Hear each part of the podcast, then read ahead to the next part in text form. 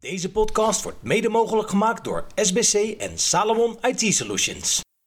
Let's do it. If you want some, baby, come and get it. If you need some, baby, come and get it. If you want some, baby, come and get it. If you need, just come and get it. Welkom bij de podcast van ComeGetIT.nl met Sander Bruis en Martijn Verheij.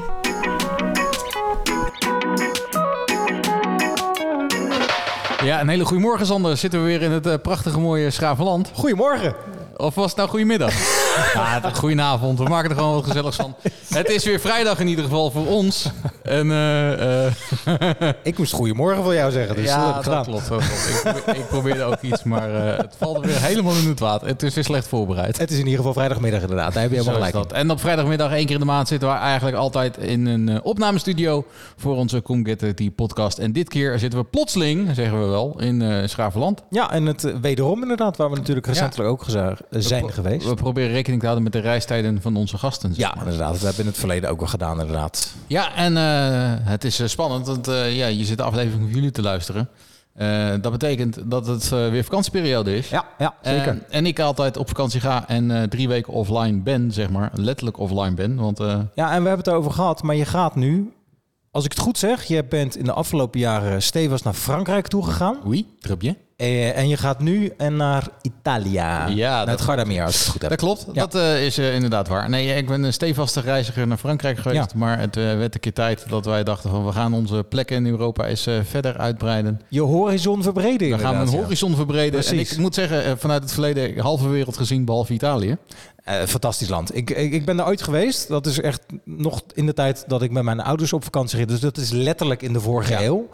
Eh, ik vond het geweldig. Ik kan me nog herinneren dat het een prachtig eh, helder meer was. Waar ook je letterlijk de, de, de, de kolommen van de Romeinen Ja. nog in het water zag liggen. Als je met een bootje eh, dat meer opging. Dus ik, nou ja, wat dat betreft kan ik het van, aan, van nou, het leuke is, eh, aanraden. ik zit aan het Gardermeer. Daar zit zoals half Nederland, heb ik me wel eens laten vertellen. Dat klopt eh, ook, inderdaad. Het Gardermeer is wel iets groter, maar in ieder geval, ik Zeker. zit in een gebied in het Gardermeer.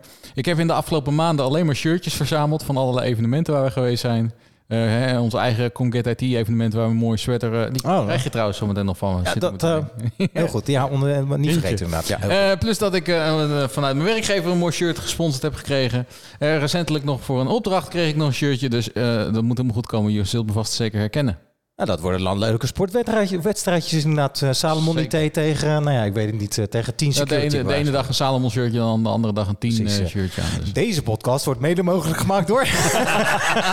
ik loop in ieder geval met reclame rond. Maar goed, wie hebben te is, gast? oh, sorry. Ja, het leuke daarvan is, we gaan in deze aflevering jullie wel de kant van de IT opzoeken, maar we gaan ook de kant van de vitaliteit opzoeken. Ja, inderdaad. Want deze persoon verhoogt werkgeluk en duurzame inzetbaarheid. Hij is teamleider, auteur en spreker. En hij heeft decennia lange ervaring in IT, kennis en vitaliteit opgebouwd. Ja, werkgeluk staat concreet en meetbaar eh, de kosten van uitvallende IT'ers te verlagen en het werkdruk te verhogen. Dus je kan pas een goede IT'er zijn als je IT'ers hebt die gaan over passie, energie, je goed voelen en inzetbaar zijn. En we hebben het over Remco Nijkamp. Ja, welkom Remco. Dankjewel, dankjewel voor de warme welkom. Ja, graag gedaan. Ja, ik hoop dat hij warm was. Ja, ja.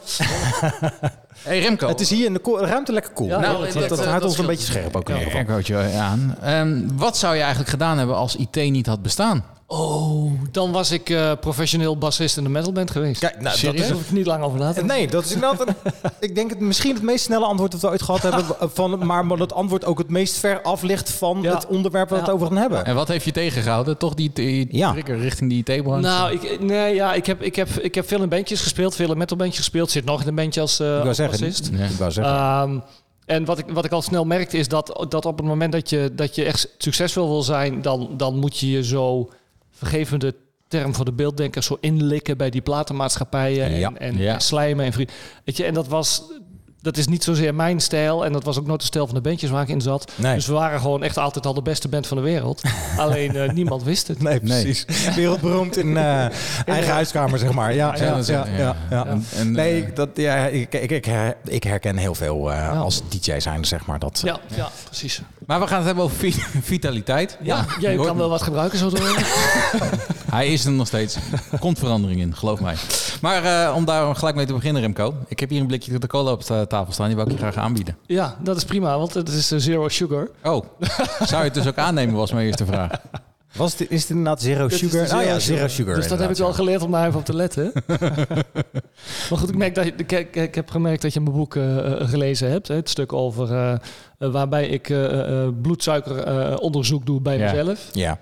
Ik heb twee weken met een bloedsuiker, bloedsuikermeter gelopen Klopt. en allerlei eten naar binnen en drinken naar binnen gewerkt en gekeken wat de gevolgen daarvan waren. En die van de cola met suiker was nogal eh, intens. Ja. Dat geloof ik, ja. Dat geloof ik. Maar voordat we helemaal de diepte ingaan, want Precies. je hebt inderdaad Ja. het boek geschreven en hij ligt hier voor ons. En ik zal de, de titel nog een keer oplezen. Vitaliteit voor IT'ers. En daarom zit je hier natuurlijk ook mede. Ja. En andere hoofddenkers. Dus mijn eerste vraag is, of onze eerste vraag is, wat is vitaliteit? In ieder geval volgens jou. Ja, vitaliteit is, is eh, een welzijn wat uit meerdere aspecten bestaat. En we, we hebben vijf aspecten beschreven. Eh, het een belangrijk aspect is simpelweg de vraag: hoe voel je je? Voel je je goed? Ja. Eh, voel je lekker? Zijn er dingen die beter kunnen? Zijn er dingen die je aan wil pakken? Het belangrijke is het fysieke aspect. Dat herkennen heel veel mensen waarschijnlijk wel. Eh, Als je met, met mensen over vitaliteit hebt. De eerste gedachte is vaak iets met bewegen, iets met voeding. Vaak komt daarna slaap en, eh, en, en, en rust. Ja. Nou, dat is allemaal waar. Met het mentale aspect is natuurlijk ontzettend belangrijk daarvan. Hoe, hoe voel je je in je hoofd? Ben je fit? Ben je gestrest? Ehm, dat is al iets wat, wat vaak wat verder af ligt bij mensen en ook bij IT'ers. Die zijn daar dus in de regel niet de hele dag mee bezig. Mhm. Eh, ecologie is een belangrijk aspect. Dat zijn de mensen om je heen, dat zijn je collega's, dat is je familie, je gezin. En wat voor invloed hebben zij op hoe jij je voelt? Hè, zit, je de, Ja, ja. zit je de hele dag eh, tussen sportende mensen of zit je de hele dag eh, tussen sportende mensen, maar dan in de derde helft van de voetbalkantine? Hè, dat heeft invloed op je welzijn. En een belangrijk onder- onderdeel is ook de, wat we dan noemen de filosofie. Je drijfveren, je talenten. Eh, wie ben je, wie wil je zijn? En doe je de dingen die je doet? Hè? Doe je de dingen eh, waar je energie van krijgt? Of loop je de hele dag maar een beetje eh, in de sleur te sloffen? en probeer je het einde van de dag te halen om vervolgens op de bank neer te ploffen en verder te Netflixen. Juist. Dus dat, dat zijn de belangrijke aspecten van, van vitaliteit. Ja.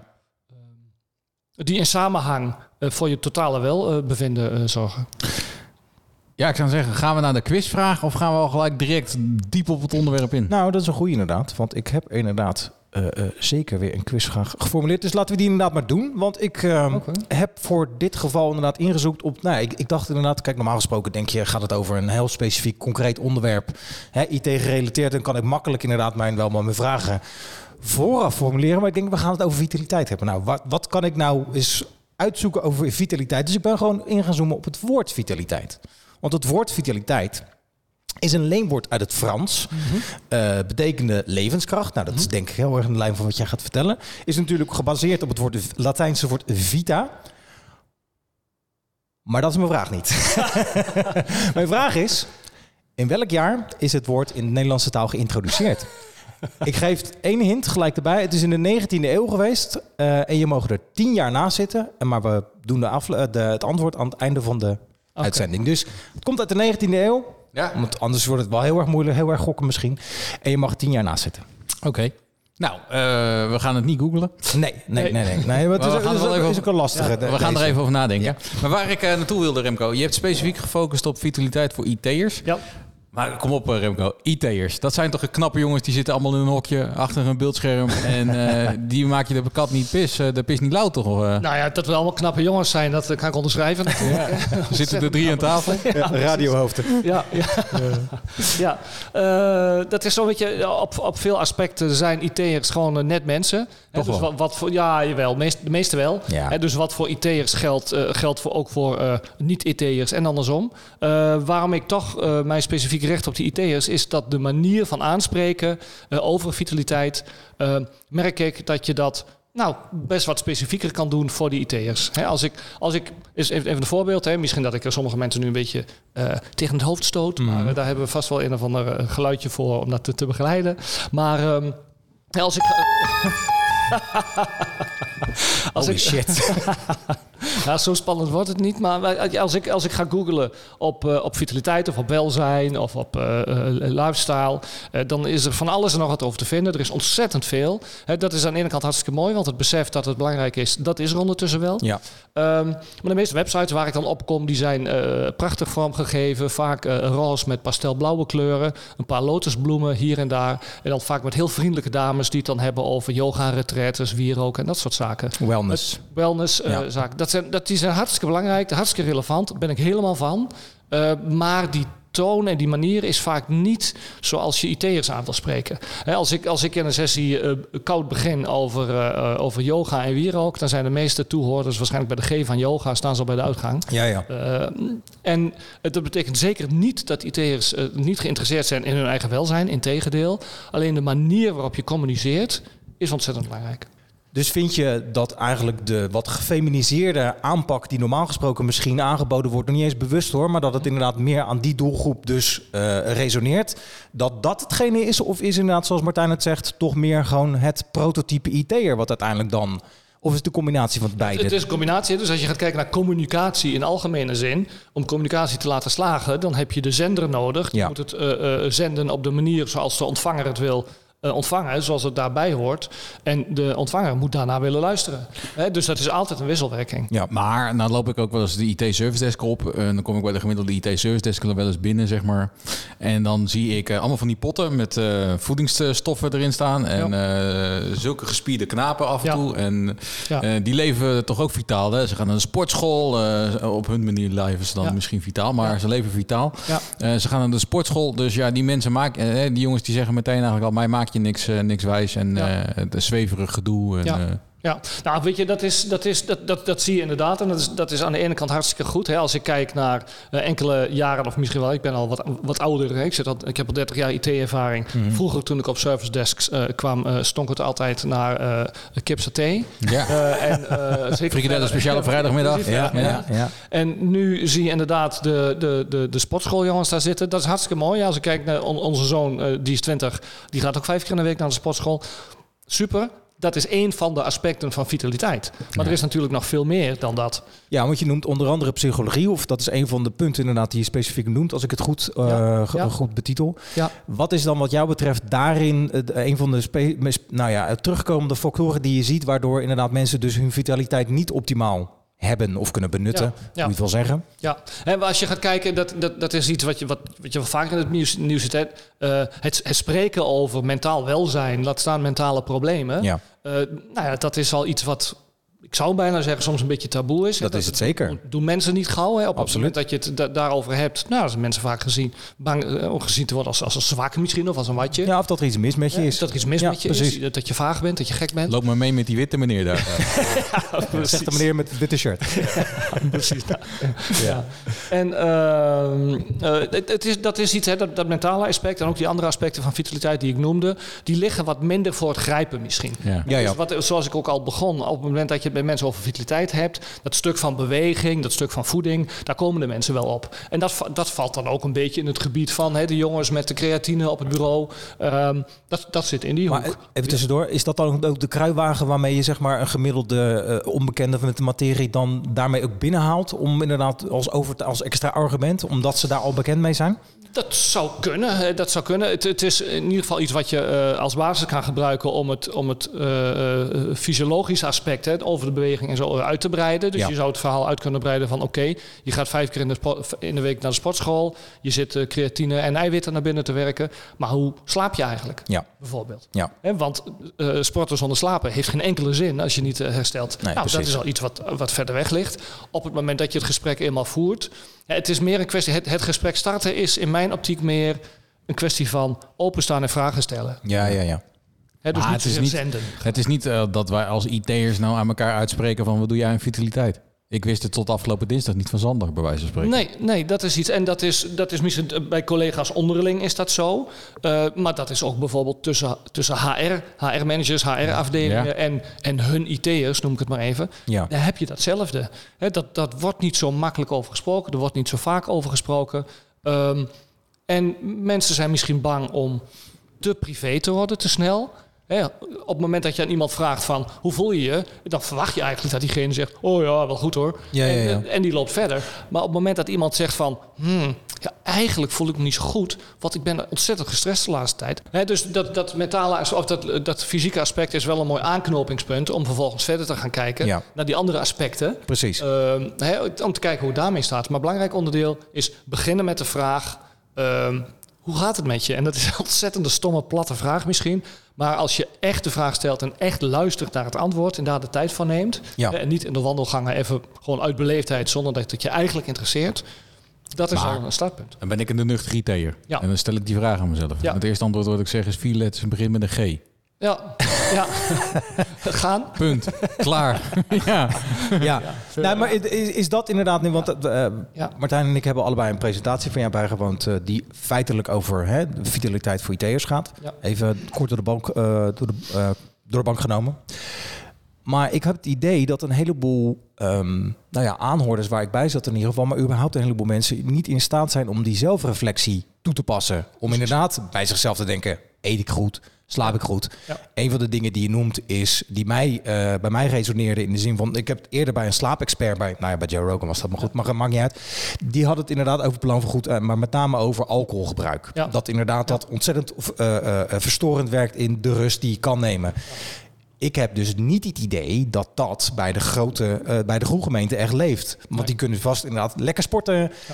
Waarom denk jij dat dat soort dingen, zijn dat taboes? Zijn het uiteindelijk omdat inderdaad alcohol sociaal geaccepteerd is? Wat, wat, wat zijn de dingen die, die je tegenkomt die, nou ja, wellicht inderdaad gewoon makkelijk over het hoofd gezien worden? Ja. Om een lange vraag kort te maken. Ja. het, het gaat om informatie. Op het moment dat je, eh, en dat is ook, ook de, de basis van mijn communicatie, is, is toch kennisuitwisseling. eh, Ja. eh, uitwisseling. Dat past volgens mij bij de doelgroep. We zijn goed in kennis opnemen. we zijn goed in bewezen feiten. Dat, dat vind ik ook belangrijk. Zeker, ja. Ik zeg nooit zomaar wat. Ik, ik verwijs altijd naar onderzoek. Hè. Dat doe ik vanuit mijn, boek, vanuit mijn boek ook. En als je bijvoorbeeld hè, specifiek over dat onderwerp van die alcohol. het is heel simpel. Ik heb, er, staat ook, er staat ook een stuk over in mijn boek. Maar ik heb altijd een, een hartslagmeter om. En ik kan precies zien hoe de hartslag in mijn slaap zich gedraagt als ik gedronken heb of als ik niet gedronken heb. Ja. En dan heb ik het echt niet over zuipen. Dan heb ik het over twee, oké, trippeltjes misschien, hè, twee wat zwaardere biertjes. Mhm. Een aantal uren voor het slapen gaan. En ik zie gewoon dat mijn hartslag de eerste uren van de slaap veel hoger is dan mijn rusthartslag. En wat, hoeveel, wat is het verschil? Als ik vraag, als we, Dat is wel 10 tot 15 slagen. dat is wel veel inderdaad. Ja, en dat ja. betekent dus gewoon dat je veel minder uitrust. Dus je slaapt wel. En Ja. het, het, het, het, het vervelende van alcohol is, je valt echt snel door in slaap. Ja, dat is ook wat je beschrijft. Inderdaad, het is een beetje eh, het, het, het verkeerde Ja. eh, Ja. eh, idee dat mensen hebben dat het een slaapmutsje is, Ja, zeg maar. Maar dat is dus dat niet. is dus helemaal Nee. niet. Je valt snel in slaap, maar je kwaliteit van de slaap is veel slechter. Ja, Ehm, en dat kan je. En natuurlijk, eh, het brak wak- wakker worden 's morgens, dat is hartst- hartstikke subjectief. Maar als je gewoon in je hartslagmeter ziet dat je hartslag de eerste drie, vier, vijf uur van je slaap veel hoger is geweest, dat je daar Ja. dus eigenlijk niet hebt gerust, dan is het wel logisch. ja. Eh, dan hoef ik je ook verder niks uit te leggen. Dan Maar- kan je gewoon zien wat het doet met je. precies. Ja. We hebben het dan over goede slaap is belangrijk. Ja. Maar wat is goede slaap? Ja. Dus het is, wat er vaak eh, gedacht wordt, is hè, je moet eh, de, de voldoende uren slapen. Ja. Eh, nou, dat, is- dat, daar heeft het wel iets, iets mee te maken. Hè. Maar slaap kent een aantal fases. Ehm, en die fases, hè, de, de, de remslaap, de lichte slaap en Ja. de diepe slaap, die wil je dat die vier tot zes keer per nacht doorgelopen zijn. Ja, ja, ja. Eh, nou, als dat gebeurt, dan kan je in de regel wel spreken van goede slaap. Maar wat daarbij ook heel belangrijk is, is nogmaals de vraag: hoe voel je je? Als je 's morgens wakker wordt en je bent zo fit als een hondje, je wordt vanzelf wakker en je voelt je prima, joh, dan zou ik het ook niet kapot gaan analyseren. Laat het lekker, dan Ja. is het prima. Nou, ik, Ja. ik weet wel eh, vanuit mezelf, als ik een eh, avondje of een nachtje wat later is naar bed ben gegaan, dan word ik de volgende dag wakker. Dat ik denk, ik voel me top. Ja, Maar de dag erna, ja, Ja. ja. die kla- hakt er dan Ja. altijd in. Want dan voel je op dat moment eventjes die, die eh, hamerslag van... Mm, Ja. Dat ene nachtje eerder heb ik toch even eh, niet goed geslapen. Ja, zeg. dat kan. En wat er dan kan gebeuren is dat je, dat je na één nachtje minder slaapt. eh, de volgende dag bijvoorbeeld op iets meer adrenaline eh, prima doorkomt. Hè? Dat Ja. je jezelf hartstikke fit voelt. Maar dat je daardoor eigenlijk al wel een beetje aan het slopen bent. En jezelf aan het vermoeien bent voor die dag die erna komt. Maar eigenlijk zeg je ook een beetje stiekem... eh, een slaap, hè? maar het heeft helemaal niks te maken van... je moet dan 7,5 uur, 8 uur, 9 uur slapen minimaal. Is dat iets wat je voor jezelf moet gaan meten? Of Ja, is dat echt helemaal niet van toepassing? Nogmaals, als, als er niks aan de hand is met je slaap. Als je fit bent, als je wakker wordt.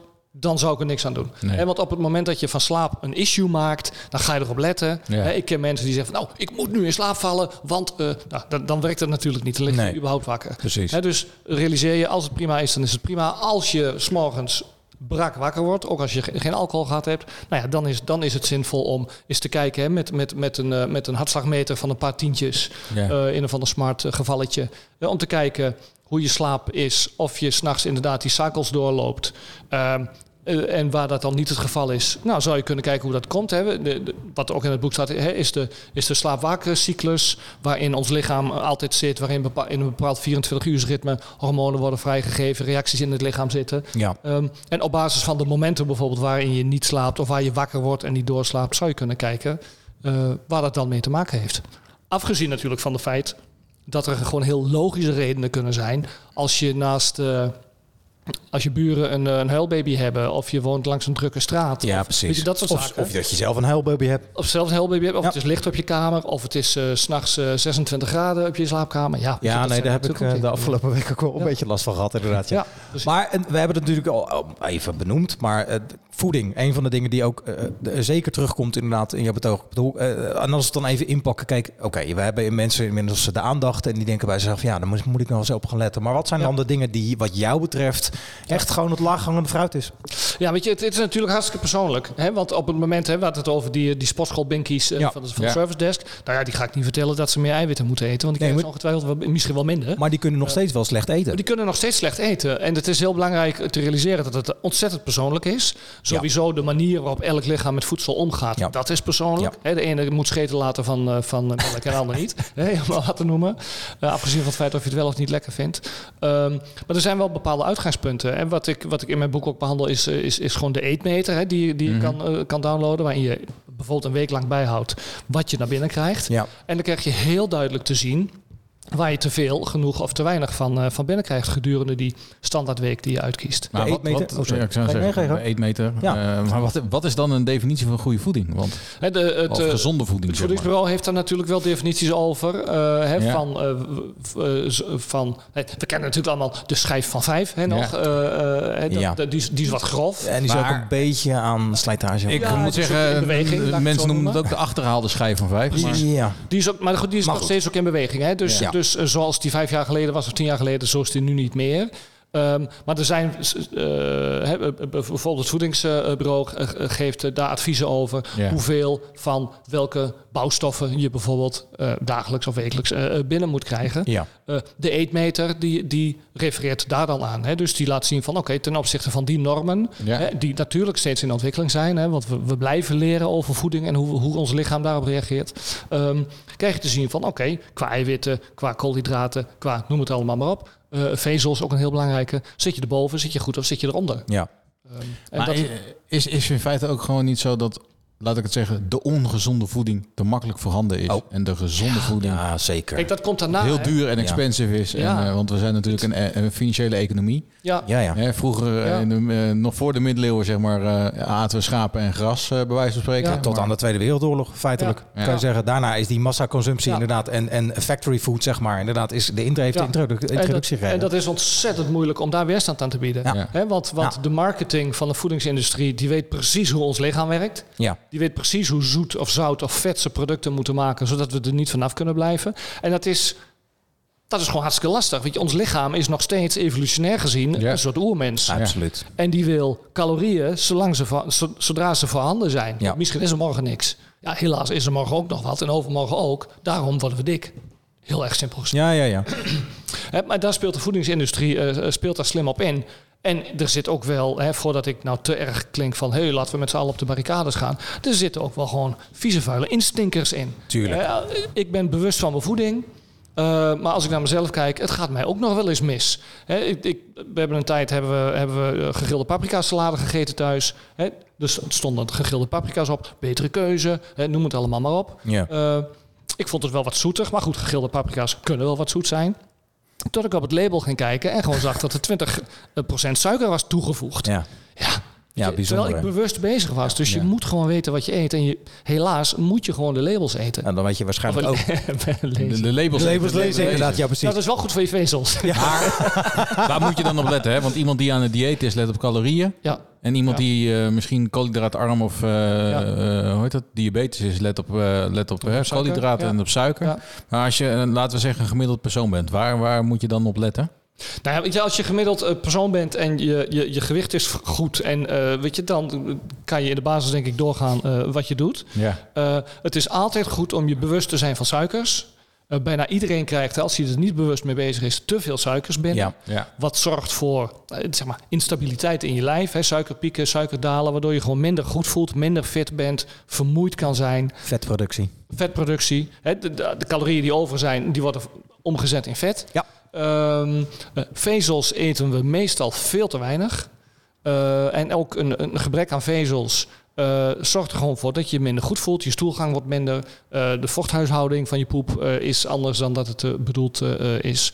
Het heeft heel veel invloed op, op hoe je je voelt. Ja. Ehm, maar da- daar moet je soms wel wat voor doen. Op suiker moet je op letten. Zelfs hè, in die gegrilde paprika salade zit 20 gram suiker per 100 Ja. gram in. Ehm, laat staan in alles wat uit pakjes en uit zakjes en noem het maar op. Ja, zit nee, dat vol is- suiker, zout en vet. Om die, wat ze dan in de marketing van de voedingsindustrie noemen, die blissfactor te behalen. Ja. Dat je lijf zegt van, hm, yummy, ik wil meer. Ja. Maar dan komen we toch even terug op blikje cola. Ja, Want ik geef hem je bewust. Want eh, de een eh, persoon zegt blikje cola is suikervrij, ik zou hem nemen. ja, Maar de ander zegt er zit aspartaan in. ja, ja. Kijk, als Wat ook weer niet goed is voor je gezondheid. Nee, Ja, zeker dat, niet. Dat, dat is lastig, hè? Want ehm, als, ik moet, als ik moet kiezen, Ja. ehm, kies ik liever eh, eh, geen cola. Hè? Maar als ik Ja. tussen de cola's zou moeten kiezen, dan zou, ik- dan zou ik toch die suikervrije eh, kiezen. Omdat ik gewoon echt helemaal niet goed word van die suikerklap die ik krijg Ja, ja, ja. van een flesje of een blikje cola. Ja. Ja. Ik ga, ik ga echt eh, eh, plat. Hè. Je kan het in het boek ook zien dat mijn suikerspiegel die, die eindigt veel lager dan Ja. dat die was voordat ik überhaupt een slok van die cola eh, Ja. nam. Ja. Dan voel ik me echt slecht. Ja. Dat heb ik met suikervrije cola heb ik dat niet.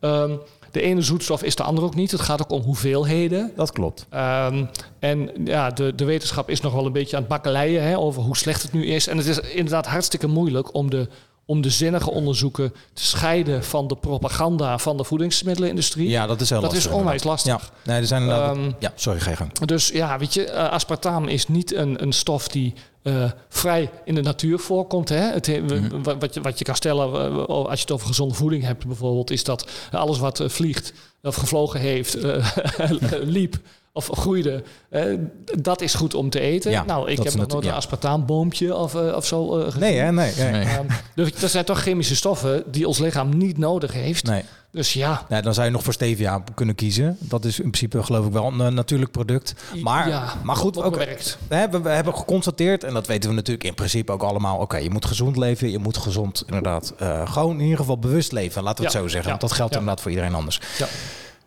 Dan kom jij aan bij iemand inderdaad die totaal niet zo leeft. Ja, En je geeft je verhaal. ja. Wat is dan...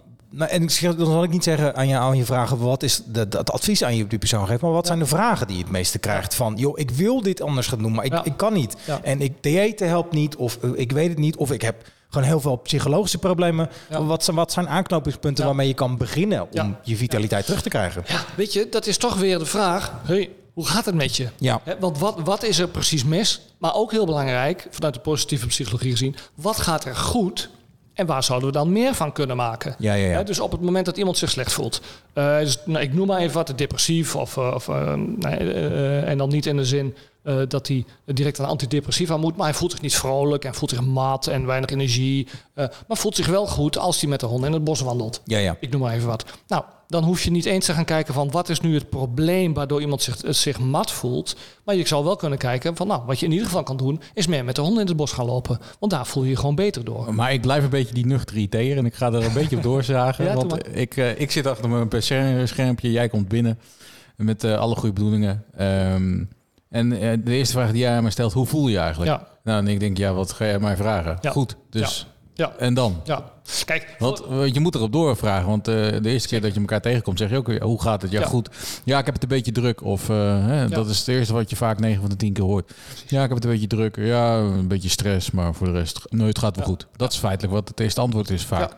Kijk, de, de, de, vraag stel je natuurlijk in een bepaalde context. Ik loop niet naar iemand toe die ik niet Nee, ken. precies. En ik zeg, hey, hoe gaat het? En ga vervolgens een soort van ongevraagde coaching doen. Nee, dat werkt namelijk niet. Nee, dus er is natuurlijk, we zitten in een organisatie misschien waar eh, een, een vitaliteitscontext is. Ja. De, de, de, de organisatie wil goed eh, voor, voor hun mensen zorgen. Ja. Ehm, ze hebben een vitaliteitstraject gestart. En als onderdeel van het vitaliteitstraject zit misschien ook een persoonlijke coaching eh, Ja. stuk in.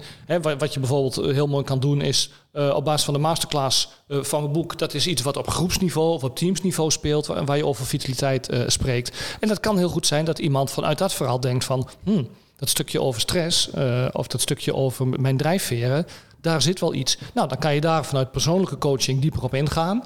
En dan is iemand natuurlijk, staat open voor dat gesprek. Ja. En kan het ook zijn dat iemand dan daardoor bijvoorbeeld een hele andere loopbaan eh, kiest? Ja. Want inderdaad, erachter komt eigenlijk wat ik doe. Het, de grote stressfactor is mijn werk. Ik moet wat anders gaan doen, Ja. zo snel mogelijk. Ja, kijk, wat, wat wel belangrijk is dat je realiseert, eh, als, het, als we het over stress hebben en stressmanagement, is dat stress toch vanuit jou komt. En dat klinkt een beetje Ja. lullig, eh, maar het zijn in de regel niet de omstandigheden waar je gestrest van raakt. Het is jouw reactie op de omstandigheden. Ja, ben ik met je dus als je de omstandigheden gaat veranderen, maar je blijft zelf hetzelfde en je gaat naar een andere werkgever, dan zit je een paar maanden later zit je gewoon met hetzelfde probleem als waar je mee zat. Ja, maar ik, ik meen me te herinneren dat je ook in de presentatie die jij eh, mij hebt gegeven, want we, Martijn en ik hebben een apart, eh, dat je een voorbeeld gaf, een anekdote van iemand die inderdaad uiteindelijk erachter kwam dat hij meubelmaker moest gaan worden. Ja, ja. En dat uiteindelijk gewoon die stress, of in ieder geval het ongemak, of Ja. die, het gebrek aan vitaliteit, ik weet niet wat zeggen. Volgens mij, als ik me goed herinner, had die persoon, volgens mij was het een hij, een wereldbaan. eh, de- reisde de wereld over, had inderdaad goed salaris, had eigenlijk gewoon alles voor het kiezen. Eh. Echt op een punt dat iedereen zegt, nou ja, waar klaag je over? Maar hij was toch ongelukkig. En heeft toen uiteindelijk dus eh, door middel van zijn loopbaan inderdaad gewoon dus kennelijk zijn vitaliteit Ja. teruggekregen. Ja. Dus zo simpel kan het dus ook zijn, begrijp ik. Ja, Ja, simpel is misschien niet het juiste woord. Maar het is wel simpel, gewoon die omslag. En toen was het klaar dus. Ja, weet je wat, het, het is nog heel belangrijk. Hè? In dat geval ging het inderdaad om, om een talentanalyse, wat ik met hem ja, heb gedaan. ja, ja. Hij had, hij had eh, in zijn hoofd had hij een wereldbaan. Hè, mooie managementfunctie, mooi bedrijf, hè, dikke Tesla onder de kont, noem het allemaal maar op. Zijn vrienden vonden het fantastisch, veel geld. Allemaal hartstikke goed. En hij merkte dat hij gewoon 's morgens zijn nest niet uitkwam om naar zijn werk te gaan. Hij vond het verschrikkelijk. Ja. En hij dacht echt van, ja, ik, er moet wel iets mis met mij zijn, want ik heb zo'n prachtige baan en ik wil er niet naartoe. Ik ben gek. Ik Ja, ben ja, depressief, ja, want er is iets mis. Toen heb ik met hem een talent, talentanalyse gedaan op basis van de TMA. En eh, dan, dan wordt onderzocht wat je drijfveren zijn. Hè. Wie, wie ben je eigenlijk? Ja. Op het laagste niveau. Hè. Dus als, eh, eigenlijk kijken op het niveau van hè, wat, wat, wat waren je drijfveren toen je nog een kindje was, bij wijze van spreken. Ja. Niet geremd door sociale conventies of wensen of, of eisen van, van de buitenwereld. Wat zijn je talenten? Hoe zijn die ontwikkeld? En dan wordt er gekeken van welke competenties die je, die je nodig hebt voor de baan waar je in zit Ja. hoe verhouden, zich tot je drijf, verhouden die zich tot je drijfveer en talenten? En dan ga je kijken, waar krijg je energie van? En het bleek dat die mooie, dikke, dure baan die hij had... daar zaten allemaal aspecten aan waar hij volledig op leeg liep. Ja. Wat helemaal niet bij zijn talenten en drijfveren paste. En zijn vitaliteit dus wegnam. Dat, het zoog hem helemaal leeg. Ja, en hij, ja. hij kon het cognitief wel aan. Hij was intelligent genoeg en was een harde werker. Dus zijn collega's vonden hem echt een, een, een fantastische collega. Ja, ja. Eh, hij deed hartstikke goed, maar hij trok zichzelf helemaal leeg. Ja. Eh, en dan kun je inderdaad kijken van, oké, wat kan je liefst binnen de context waar je zit... Eh, je hoeft niet gelijk van de directeur van een IT-bedrijf naar meubelmaker te gaan of doe maar wat. Nee, precies. Maar in die context waar je zit, wat kan je daar aanpassen om dichter bij die drijfveren te komen? Hè, dus wat bij hem was een heel belangrijk aspect, iets met creativiteit. Dat kon hij in eerste instantie niet kwijt in zijn huidige baan. Maar dan kan je wel kijken van, oké, hoe kan ik creatiever omgaan in mijn huidige werk, zodat ik wel, ik noem maar die drijfveer aanspreek, bevredig en energie van krijg. Ja, ja. En daardoor ook in staat ben om die zaken waar ik een beetje op leeg loop. Want ja, weet je, je hebt gewoon af en toe wat rotklusjes. Hè? Het is niet allemaal Hosanna. Nee, En precies. soms moet je gewoon een spreadsheet, spreadsheet doorharken om er fouten uit te halen. Dan Ja. krijgt bijna niemand energie van. Maar als je daarnaast de dingen hebt gedaan waar je energie van krijgt, dan kom je die spreadsheet ook wel door. En kom je met meer energie thuis dan dat je. Maar we hebben het nu al een paar keer gehad over eten, slapen. Eh, daar zijn we echt al even op ingegaan. Maar is daarnaast die twee factoren nog veel meer belangrijk? Of Dat- ook nog een belangrijk onderdeel? dat, dat, dat stuk waar we het nou net eventjes over hadden, die, Ja. die talenten en die drijfveren, die zijn super belangrijk. het mooie daaraan vind ik dat het ook heel goed te meten is. Hè, dus dat kan je echt uit, het, uit, uit de zweverige hoek, hè, als er al sprake Ja, ja. is, kan je echt uit de zweverige hoek halen door wetenschappelijk onderbouwd eh, een test te doen. De de, de TMA-analyse bijvoorbeeld. eh, waardoor je echt kan meten hoe iemand in elkaar zit. ja. En dat vervolgens bij wijze van spreken bijna cijfermatig kan matchen Ja. aan de competenties die nodig zijn van zijn werk. Dus daar hoef je niet eh, iemand te overtuigen dat het zo is. Of eh, iemand hoeft het niet te geloven dat het zo is. Het, eh, het, eh, is zo. Maar En dat maakt het mooi. Ja, het voorbeeld wat je geeft alleen, het, hetgene wat de gedachte die mij eh, naar binnen komt, is kennelijk was die persoon dan door zijn omgeving, en je hebt het eigenlijk al genoemd, Ja. die kant een beetje opgeduwd. Ja. En even afgezien, eh, zonder daar waardeoordelen of wat dan Ja. ook te begeven. Maar ben je, eh, is dan de constatering tegelijkertijd, of mag ik concluderen dat misschien een heleboel mensen dus op die manier inderdaad in het leven staan, omdat ze maar, maar gewoon een, een pad zijn gaan volgen Ja. wat hè, eh, vanuit huis wordt. Maar wat is dan het punt, zover jij dat kan inschatten, dat mensen zeggen: Oké, nu is het tijd voor wat anders? En of, of, of, of wat is het punt dat ze bij jou komen, bij wijze van spreken, wat dat betreft? Ja, wat je ziet is dat heel veel mensen zich niet zo bewust zijn van hun leven. Precies. En van wat ze kunnen beslissen in hun leven. Hè, eh, die hobbelen, ze hobbelen door het leven. Juist. Ze doen wat ze doen. Eh, ja, nou, werk is gewoon werk. Je moet wat doen om brood op de plank te krijgen. En het weekend ga ik bier drinken en dan ga ik daarna weer werken. Eh, weet je, en op zich is dat prima. Ja. Ehm, als iemand zich daar prima bij voelt, ja, be my guest. Eh, maar ik denk dat er veel meer eh, te halen is als je bewuster naar jezelf gaat kijken. Als je bewust bent van de aspecten die invloed hebben op jouw vitaliteit. En daar probeert van een afstandje naar te kijken. Hè. Kijk als, Ja, ja. als een derde persoon naar jezelf. Wat zie je dan? Hoe voel je je dan? Ja. En eh, wat je inderdaad zegt, veel mensen die, ja, die volgen een routetje. Hè. Ik, ik ken een, een, een verhaal van een jongen die van een sportclub. Eh, ik, ik zal verder niet te veel details van hem weer. Dat is die misschien te herkennen. Ehm, fantastische sportman. Eh, en die gaf een training aan de, aan de, aan de kindjes. Eh, de kindjes waren dol op hem, deed hij echt fantastisch. Ehm, ik denk van nou, die gaat later wel iets, hè, kinder, kinder, eh, eh, eh, kleuter, eh, Ja. eh, eh, meester of noem het maar op, worden. Die werd vrachtwagenchauffeur. En ik dacht van, dat is hè, niks mis met vrachtwagenchauffeurs. Maar ik denk, die haak ik even niet aanzien komen. Nee, precies. Maar goed, zijn vader was vrachtwagenchauffeur. Zijn Ja, ja. opa was vrachtwagenchauffeur. Al zijn broers waren vrachtwagenchauffeur. Dus op het moment dat hij de discussie thuis aanging van... Hmm, pa, ik wil misschien wel even wat anders. Ja. Dan kreeg hij de deksel op zijn neus. Want hoezo, hè? als het niet goed is, is het niet goed genoeg voor je. Mijn vader en mijn- iedereen is hier vrachtwagenchauffeur. Dus die kon dat gesprek gewoon niet aangaan. Nee, nee. Die nee. is een tijd vrachtwagenchauffeur geweest. En klapte vervolgens binnen een jaar in de burn-out. Want hij zat echt dingen te doen die helemaal niet bij hem pasten. Nee. Ja, en dat is gewoon zo jammer. Als, als die nou wat iets eerder dat bewustzijn had gehad... of de kennis had gehad van... hey, het kan anders of misschien hulp had gehad bij het gesprek thuis... want ik kan me voorstellen dat het een lastig gesprek is... Ja. dan was die burn-out niet nodig geweest. En dat zie je vaak, dat, dat het eerst mis moet gaan als trigger... om naar jezelf te kijken. Ja, ja. Nee, dat, dat zie je natuurlijk wel vaak sowieso bij mensen in zijn algemeen inderdaad. Maar we hebben het nu natuurlijk over niet-IT'ers. Eh, dat, dat is een van de vragen. Is het ook voor niet-IT'ers? Nou, dat, dat, dat lijkt, het antwoord lijkt me ook vrij duidelijk. Maar waar ik nog even op in wilde zoomen was... eh, naast slapen en gezond eten... Ja. is er volgens mij veel meer nodig. Hè? Eh, Beweging, ontspanning. Ja. Ja. en daar geef je in je boek ook een aantal tips over. Ja, ja. Ehm, Wat is je waaronder meditatie. Ah, Ja. kijk. Ja, we gaan die kant op. Ja. Ja, ja, ja, heel Eh, goed. over zweverige ideeën, zeg maar. Ja, ik zag inderdaad nuchter over in inhouden van ga ik hem erin gooien? Nee, gewoon doen inderdaad. Want ik vind dat helemaal niet Nou ja, zweverig overigens. Ik vind het helemaal Nou niet ja, zweverig. ik ook niet, maar eh, we blijven nuchter. Het heeft wel. We zijn westerlingen Laat vooral. ik het zo stellen. Ja, we zijn Westelingen, we zijn nuchtere Nederlanders en we zijn nuchtere IT'ers. Eh, en ik zie een IT'er niet als voordeel eh, van ik ga nu met een oranje gewaad op een kleedje liggen in een yoga houding of in een moeilijke positie. Nee. En even met de handjes op elkaar.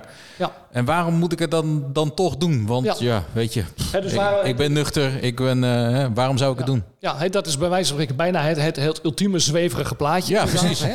Ik Eh, zit in Japan op een monnikje. Staat dat toevallig ook achter in je boek? Of, eh? Het heb ik een heel stuk aan gewijd. Eh, hè, dat, is ook echt die lotusbloemenomgeving, hè, de- Ja. waar, waar we het over hadden. Het is een hele mooie betekenis, Lotusbloem trouwens. maar dat is ja, ja. Eh, nee, meditatie, hè, ik, ik, ik heb in mijn boek, hè, ik, ik spreek ook wel het nodig vanuit mezelf. Eh, niet uit ego-trip, maar om het feit van ja, als dingen voor mij werken of zo zijn, Ja. dan is het statistisch mogelijk dat het voor jou ook werkt. Ja. Ja. Hè, Oké, Is één, hè, dat is niet een hele brede basis, maar goed, beter één dan geen. En ik heb, eh, als ik naar mezelf kijk, ik ben, oh, vroeger was ik eh, echt een ontzettende stresskip. Ehm, ik had daar echt eh, fysiek last van. Maagpijn, slecht slapen, allerlei problemen, eh, fysieke problemen. Eh, dat in die tijd opgelost werd door dokters door fysieke dingen te gaan doen. Met allerlei papjes, medicijnen en allerlei rommel die natuurlijk helemaal niets Mm. uithaalde. Mm. Totdat ik, ik werkte toen op de universiteit, totdat ik een, bij een lezing kwam van het Transcendente Meditatiecentrum eh, Hengelo, waar ik, waar ik toen eh, woonde. Ehm, en daar legde ze uit wat transcendente meditatie was. En ik ben daarheen gegaan en het was echt een life-defining moment. Sorry. Tra- hoe- transcendente meditatie. Oh, oké. Ik zal hem even onthouden voor de, Ja. voor de scrabbelspelletjes van het weekend. Ja, TM eh, Ja. in het kort. Ehm, en het mooie daarin is, en dat geldt voor alle meditaties, maar transcendente meditatie is daar wel nou ja, duidelijk in, is dat ook dat weer wetenschappelijk onderbouwd is. Het is geen zweverig verhaal. Je Ja. kan gewoon meten wat er met je lijf, met je hersens eh, gebeurt op het moment dat je mediteert. En niet alleen tijdens de meditatie, maar ook daarna. Hè, dat het je leven verandert. En ik moet zeggen, vanaf letterlijk de dag dat ik ben gaan mediteren, waren mijn lichamelijke problemen waren weg. Ik had energie, ik had geen buikpijn meer. Eh, en ik weet nog, eh, ik- nou, dat is ook een anekdote die in het boek staat. Hè. Ik moet niet te veel vertellen, want dan koopt, niemand er meer. Hè. Maar dat ik, ik had zo'n hele pot eh, maagsapdrank van een soort vloeibare rennies, zeg maar. En die heb ik teruggebracht naar de huisarts. Ik zeg, ja, gast, ik heb het niet meer nodig. Oh, is het over? Ik zeg, ja, het was gewoon, of gewoon, het was, het was stress. Ik ben gaan mediteren en toen was het over. Oh ja, ja, ja, dat kan natuurlijk ook. ik, blijf die nuchter, ik blijf die.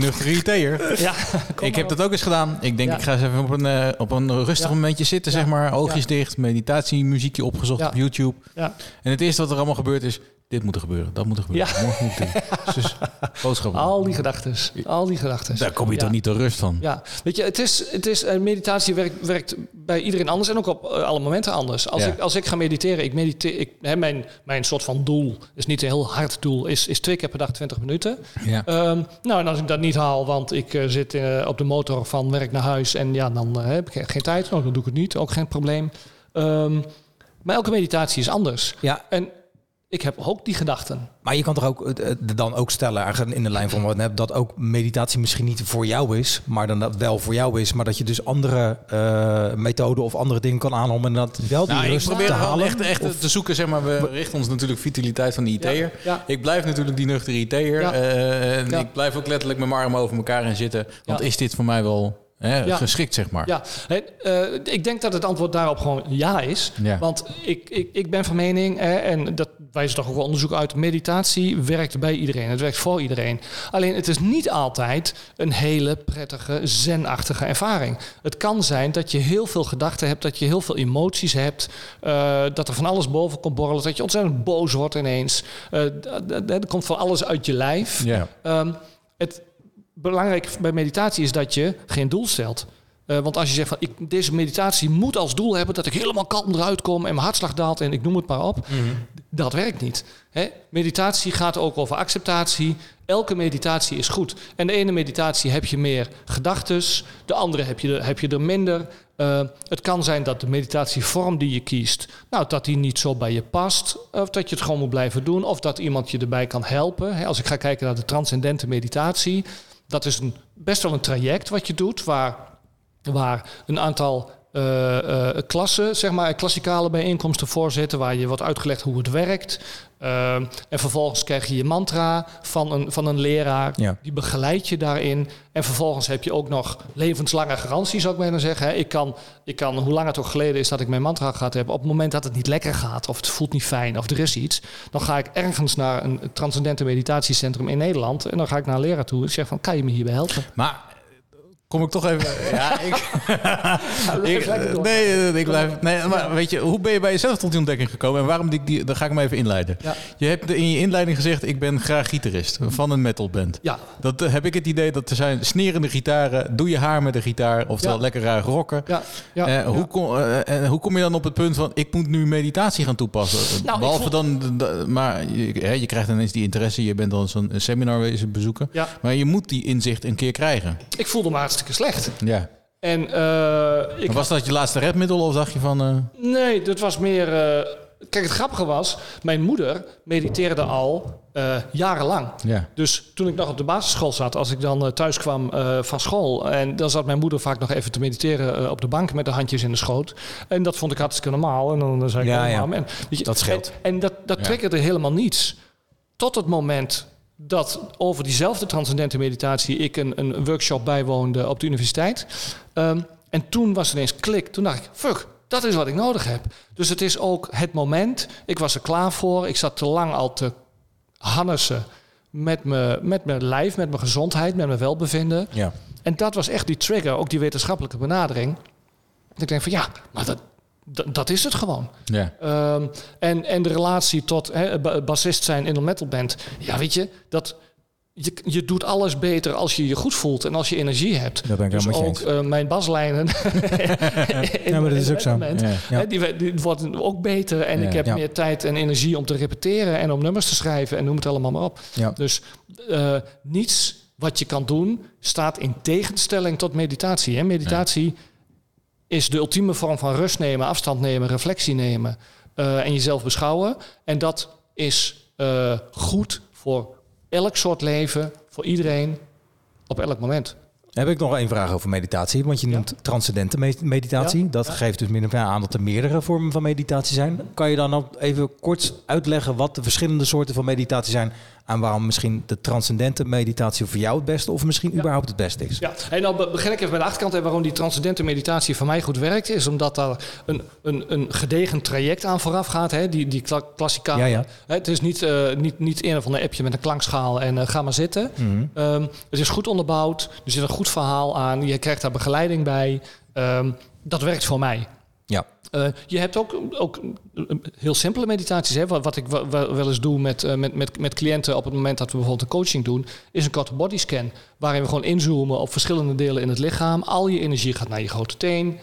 Al je energie gaat naar je enkels. Dan focus je helemaal daarop. Op het moment dat je dat doet, dat is eigenlijk een soort concentratiemeditatie. Op het moment dat je je volledig focust op je enkel, heb je echt geen ruimte meer om je zorgen te maken over die klant waar je net vandaan komt. Mhm. Hè, ons lichaam, hoe geavanceerd we ook lijken, eh, we kunnen maar één ding tegelijk. En je kan niet aan je enkel denken met al je energie en al je focus en aan die problemen bij de klant. Dus dat zorgt al voor een rust. eh, en dat werkt praktisch bij iedereen. Hè, dat heb ik wel een korte anekdote. Ik heb een tijd geleden heb ik een, eh, een sessie gegeven eh, stressmanagement voor een groep van, daar zaten uiteindelijk 32 mensen die ik niet kende. Ik wist er niets van. Ehm, en eh, daar had ik een prestatie over stressmanagement. Daar waren ze dus in ieder geval wel eh, in geïnteresseerd. En ik eh, begon met een korte bodyscan. Ja. Hè, om te zorgen dat we allemaal een beetje on the same page waren. Mhm. Dus ik zat met mijn stoeltje tegenover 32 andere stoeltjes met mensen die ik niet kende. En ik vroeg ze mensen om lekker te gaan zitten, handjes in de schoot en rustig met mij mee te gaan. Hè, focus op de voet, focus, nou, hè, zo, zo in een minuut of twee het hele lijf door. Ik vond het hartstikke spannend, want ik denk, ja, weet je, voor hetzelfde geld zitten daar een stel Beavers en Butthead-achtige types die gaan op geinen met elkaar. Ja, dat Weet je, dan kan. pleurt alles, door, door, door- pleurt alles in elkaar. Ja. Komt toch dat stukje metal naar boven. ja, ja. ACDC. En, ehm, eh, maar iedereen deed mee. Ja. Iedereen deed mee. Ja. En eh, dus zo halverwege deed ik zelf even, even één oogje open om te kijken. En de hele groep zat rustig, ontspannen, schouders naar beneden. Die deden gewoon mee. Ja. En dat waren mensen van allerlei pluimage. Ja. Hè, er zat van alles nog wat in. En voor iedereen werkte dat. Nou, En dat ik- hartstikke gaaf. En ik denk dan dat we daarmee inderdaad con- kunnen concluderen of de conclusie kunnen trekken. En je zegt het ook al zelf, dat als je inderdaad hiermee aan de gang wil gaan, moet het echt wel ook vanuit jezelf komen. En moet je er zelf mee aan de slag gaan. En moet Ja. jij inderdaad niet degene zijn van je moet dit of je moet dat. Je kan dingen aanreiken, maar je zal het zelf moeten doen. Precies, en meditatie is daar een on- kan een onderdeel van Ja. zijn, eh Ja. zou ik maar zeggen. Zeker. Even dan terugkomen op je boek. Je hebt je boek dan met name gefocust op IT'ers. Ja. Eh, interesse, puur interesse? Of denk je dat daar een, eh, echt IT'ers te weinig bezig zijn met hun gezondheidsvitaliteit? Nou, het gaat twee kanten op. hè. Het is, eh, aan de ene kant heb ik het voor IT'ers geschreven omdat ik zelf een IT'er ben. Ja. Ja. Hè, dus ik weet hoe, nou ja, ik generaliseer even, hè, maar hoe wij graag aangesproken worden, Ja, hoe we een beetje in elkaar zitten. dat is waar. Ja. Eh, we zijn gewend om dingen vanuit het hoofd te doen veel. Hè, dus we kunnen dingen hartstikke goed beredeneren, we kunnen kennis opnemen. Vandaar dus hoofddenkers. Die hoofddenkers, hè, dat hoeven dan niet per se IT'ers te zijn, maar ook mensen die... eh, nou, hè, de hoofddenkers, ja, het is een woord wat ik uit mijn Kan duim ook IT-manager zijn die iets minder eh, op een andere manier met IT bezig is? Ja, of salesgasten, hè, van die spreadsheet-tijgers die Ja. ook heel erg in hun hoofd zitten en niet zo gewend zijn om na te denken van, hé, hoe gaat het eigenlijk met me? En, da- en daardoor hè, wat beschouwelijker te zijn. Ja. Hè, noem het, noem het eh, eh, beta-mensen of hè, de, de, Professionele schakers. ja, nou,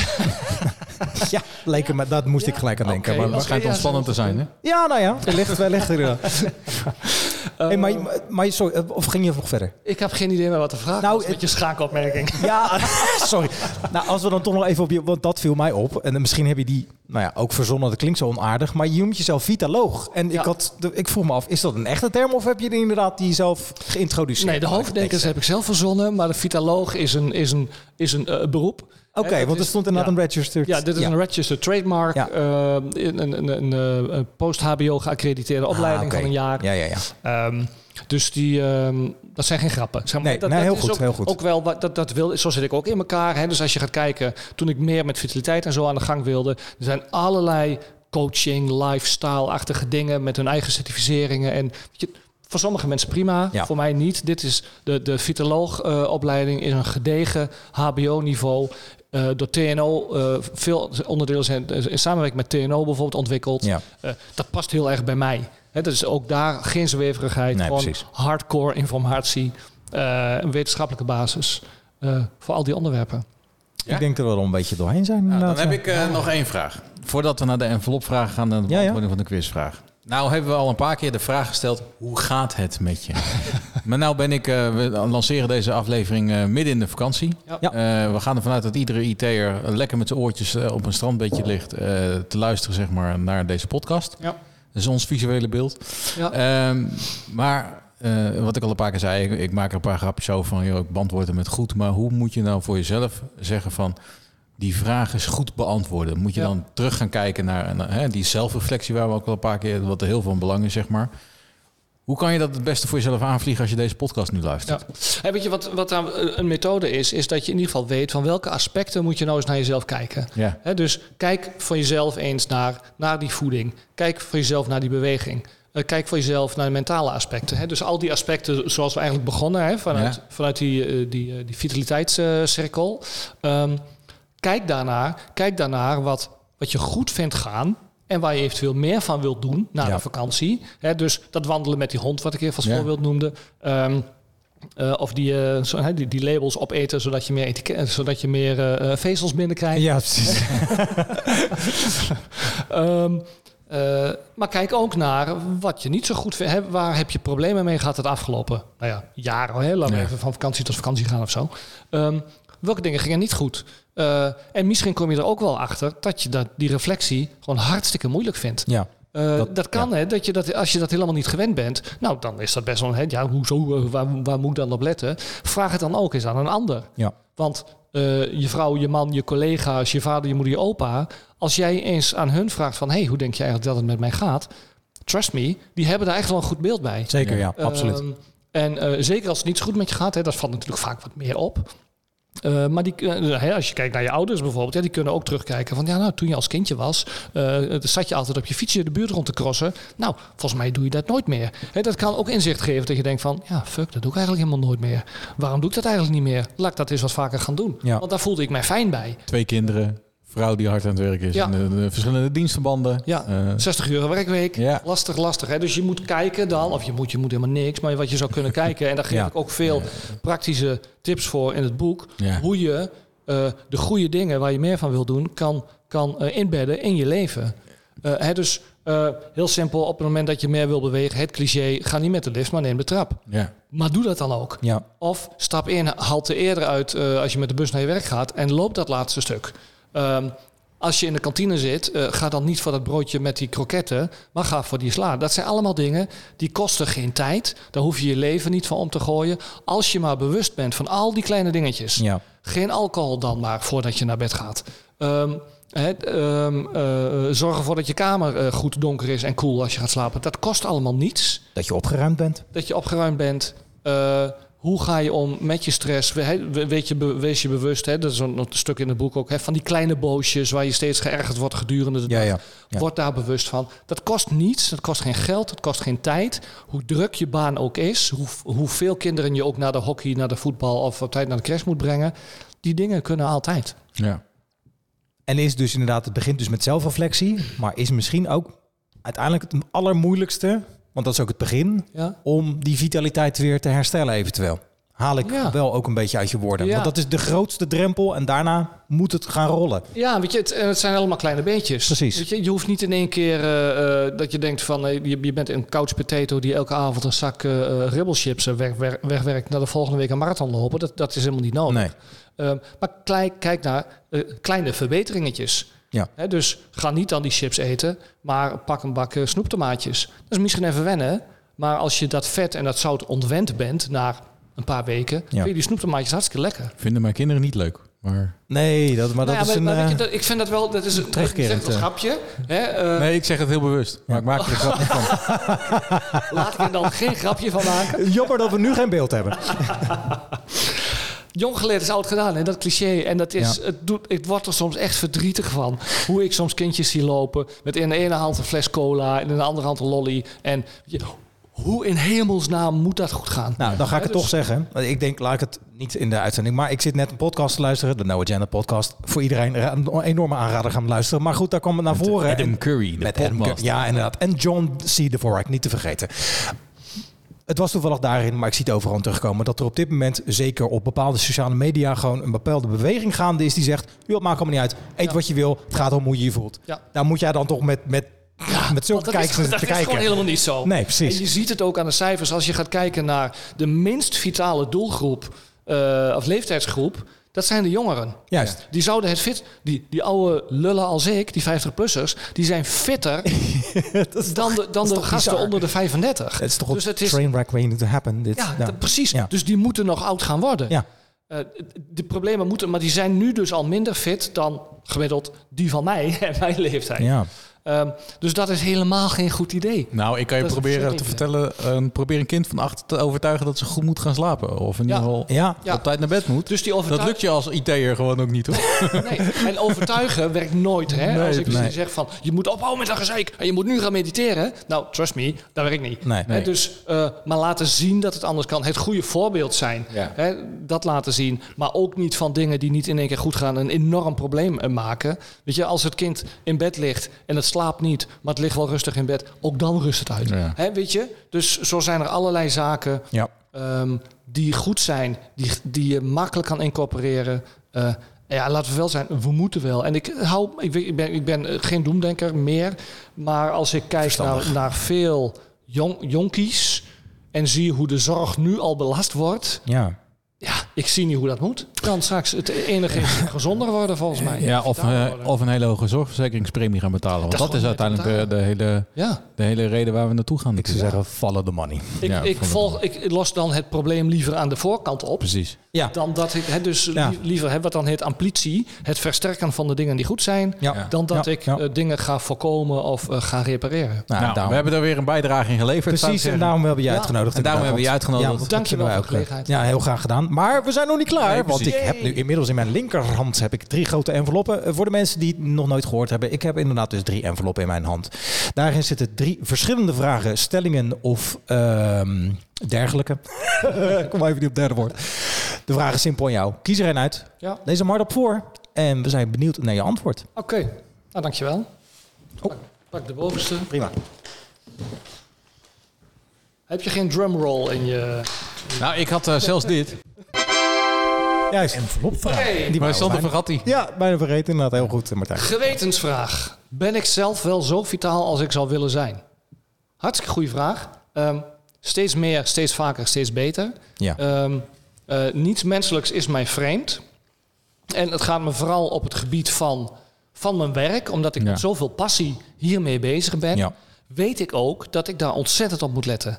Hè, want ik merk ook dat als je met passie met werk bezig bent... ook dan kan het te veel worden. Ja, ik ja, ben- ja, het boek wat ik eh, wat een paar keer besproken is... dat is op 9 juni eh, uitgekomen. Eh, daarna ben ik nog heel druk geweest met allerlei gedoe rondom het boek. Heb ik met hartstikke veel passie gedaan. Ja.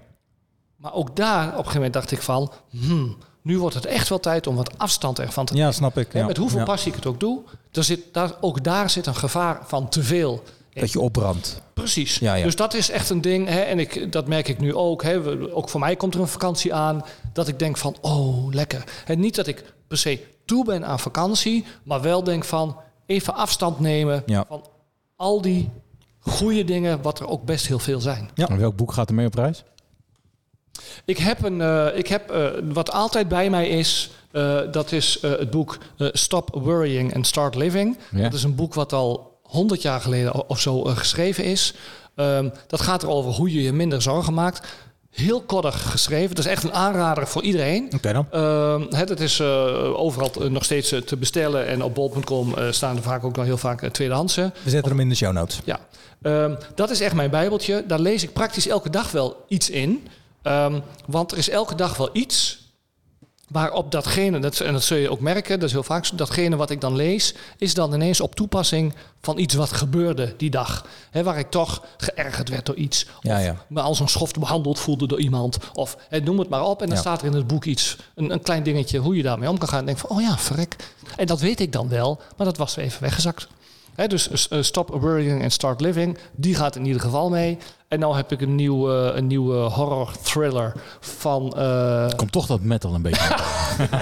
ik wist dat je Ja, het zou heel goed, heel goed, heel goed. heel goed, heel goed. november. eh, ik, ben, eh, ik ben de naam van de schrijver even kwijt. Olde, Olde Oldhoff of iets dergelijks. in ieder Ja. geval. Ehm, ook een aanrader. Die heeft een aantal prachtige boeken geschreven. Die is nou net de nieuwe uit. November heet die. En die gaat ook mee op een e-reader. Kijk eens aan. Leuk eens aan. We gaan een eh, quizvraag voordat we de afsluiting van Ja. de podcast gaan doen. Daar hebben we dan geen eh, eh, eh, bumpertje voor die we vergeten zijn. Gewoon nog een keertje. Heel precies. Kijk, kijk wat je hebt. Martijn, de, regisseur. Nee, de vraag was, ik zal hem nog een keer herhalen. Uiteindelijk waar het woord eh, vitaliteit voor het eerst, of wanneer beter gezegd, voor het eerst in de Nederlandse taal is Ja. aangetroffen. Dus afgeleid van, van een leenwoord uit het Frans, afgeleid inderdaad van het Latijnse woord vita. En eh, nou ja, goed, ik had het al weggegeven, of althans de, de hint gegeven. 19e eeuw, tien jaar daarnaast, de gas mag beginnen. Ik heb echt geen idee. Roept u maar. Echt een wilde gok. Ik moet al heel hard nadenken over... Oh ja, de 19e eeuw. De eerste eeuw is van 0 tot... Dus is de 19e eeuw. Dat is inderdaad van 1800 18 tot 19. 1899. Hè, want in ja. eerste instantie zat ik te denken van... Zal wel iets met Napoleon zijn? Nee, nee, nee dat die wil is ik wel geven. Heeft precies. niks met Napoleon te Dat, maken. dat, is, het- dat is het dan niet. Nee. Ja, dan is het eh, iets... eh, ehm, 53. Voordat ik... eh, Ja, ik denk zelf eh, de jaren 60, maar eh, 1960 ongeveer. In die periode. Nee, het is de 1960 is een jaar, een eeuw Ja. later. We hebben het over Ja. 1800 tot 1899. Dan is het 1860. Dan moet ik jullie allebei teleurstellen. Nee, het woord is voor het eerst eh, aangetroffen in 1824 alweer. Ja, maar toen En heette ik- het nog kwakzalver, denk ik. Nou ja, wellicht. Ik wou zeggen, ik heb inderdaad niet de waar het inderdaad waarom het geïntroduceerd is. Ja. Ik, dit is het enige wat ik kon vinden. Ja. Maar in het onderzoek van het Centrum voor Leesonderzoek uit 2013 werd vitaliteit herkend door 99% van de Nederlanders Ja. en 99% van de Vlamingen. Dus je zou zeggen dat je nog een enigszins een afzetmarkt hebt voor, voor je boek.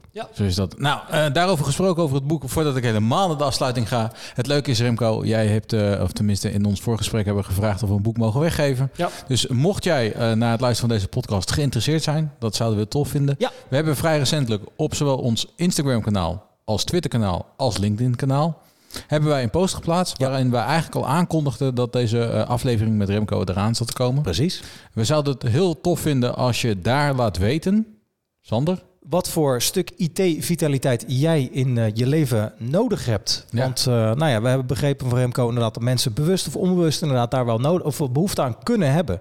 Dus laat inderdaad via de, een van de socials of via info@comgetit.nl weten wat jij inderdaad aan IT-vitaliteit nodig hebt in je leven. En misschien ben jij de winnaar. Dus we hopen dat je eh, in je vakantieperiode deze podcast luistert. Ja. Want na, na- precies, mag Oh nee, nee, ja, nee, is waar. Want wat, Maar wat- we deze- doen het tot. Doen het tot eind augustus. Dus je hebt Precies, tot ja. eind augustus de kans om te reageren via info.comgetit. Via onze socials. Hè, eh, dat je zegt, ik wil het niet in de breedste... Precies, dat hoeft niet inderdaad als je dat het niet wil. hoeft niet. Je mag het ook via info.comgetit.nl eh, sturen. En, ja, Dus ga op dat bedje liggen. precies. Tank jezelf weer vol met vitaliteit en dan eind augustus. Ja, drink geen biertje, maar drink een glas water. Of een alcoholvrij biertje. Precies. Of een alcoholvrij biertje. En Ja. in ieder geval geen cola of een, eh, eh, misschien een chuderantje zou... eh, Nou, weet je, en het is natuurlijk ook de- de 80-20 regel. Eh, als je 80% de goede dingen doet, mag je best wel 20. Weet Ja, dat wilde ik net. Alles met mate toch? zo. Ja, precies. Dat is het. blijft altijd ook vakantie natuurlijk. Ja, Ja, Een, een, biertje kunnen drinken, inderdaad. Dus eh, wij gaan een boek weggeven. We zouden het tof vinden als je in ieder geval iets daarvan laat horen. Ja. niet alleen voor ons, maar ook voor Remco uiteraard. Zo is dat. Remco, eh, ja, eh, bedankt. bedankt. voor- heel erg bedankt. Ik wil jou als luisteraar bedanken voor het luisteren naar deze aflevering van de Comic Get IT podcast. Wil je meer informatie over vitaliteit en vitaliteit voor IT'ers of over Remco? Waar kunnen we dan terecht, Remco? Je kan op mijn website kijken, eh www.grabdelete.nl. Zetten we in de show notes. Eh, als je even checkt op eh, Remco Nijkamp op LinkedIn, Ja. dan vind je me ook.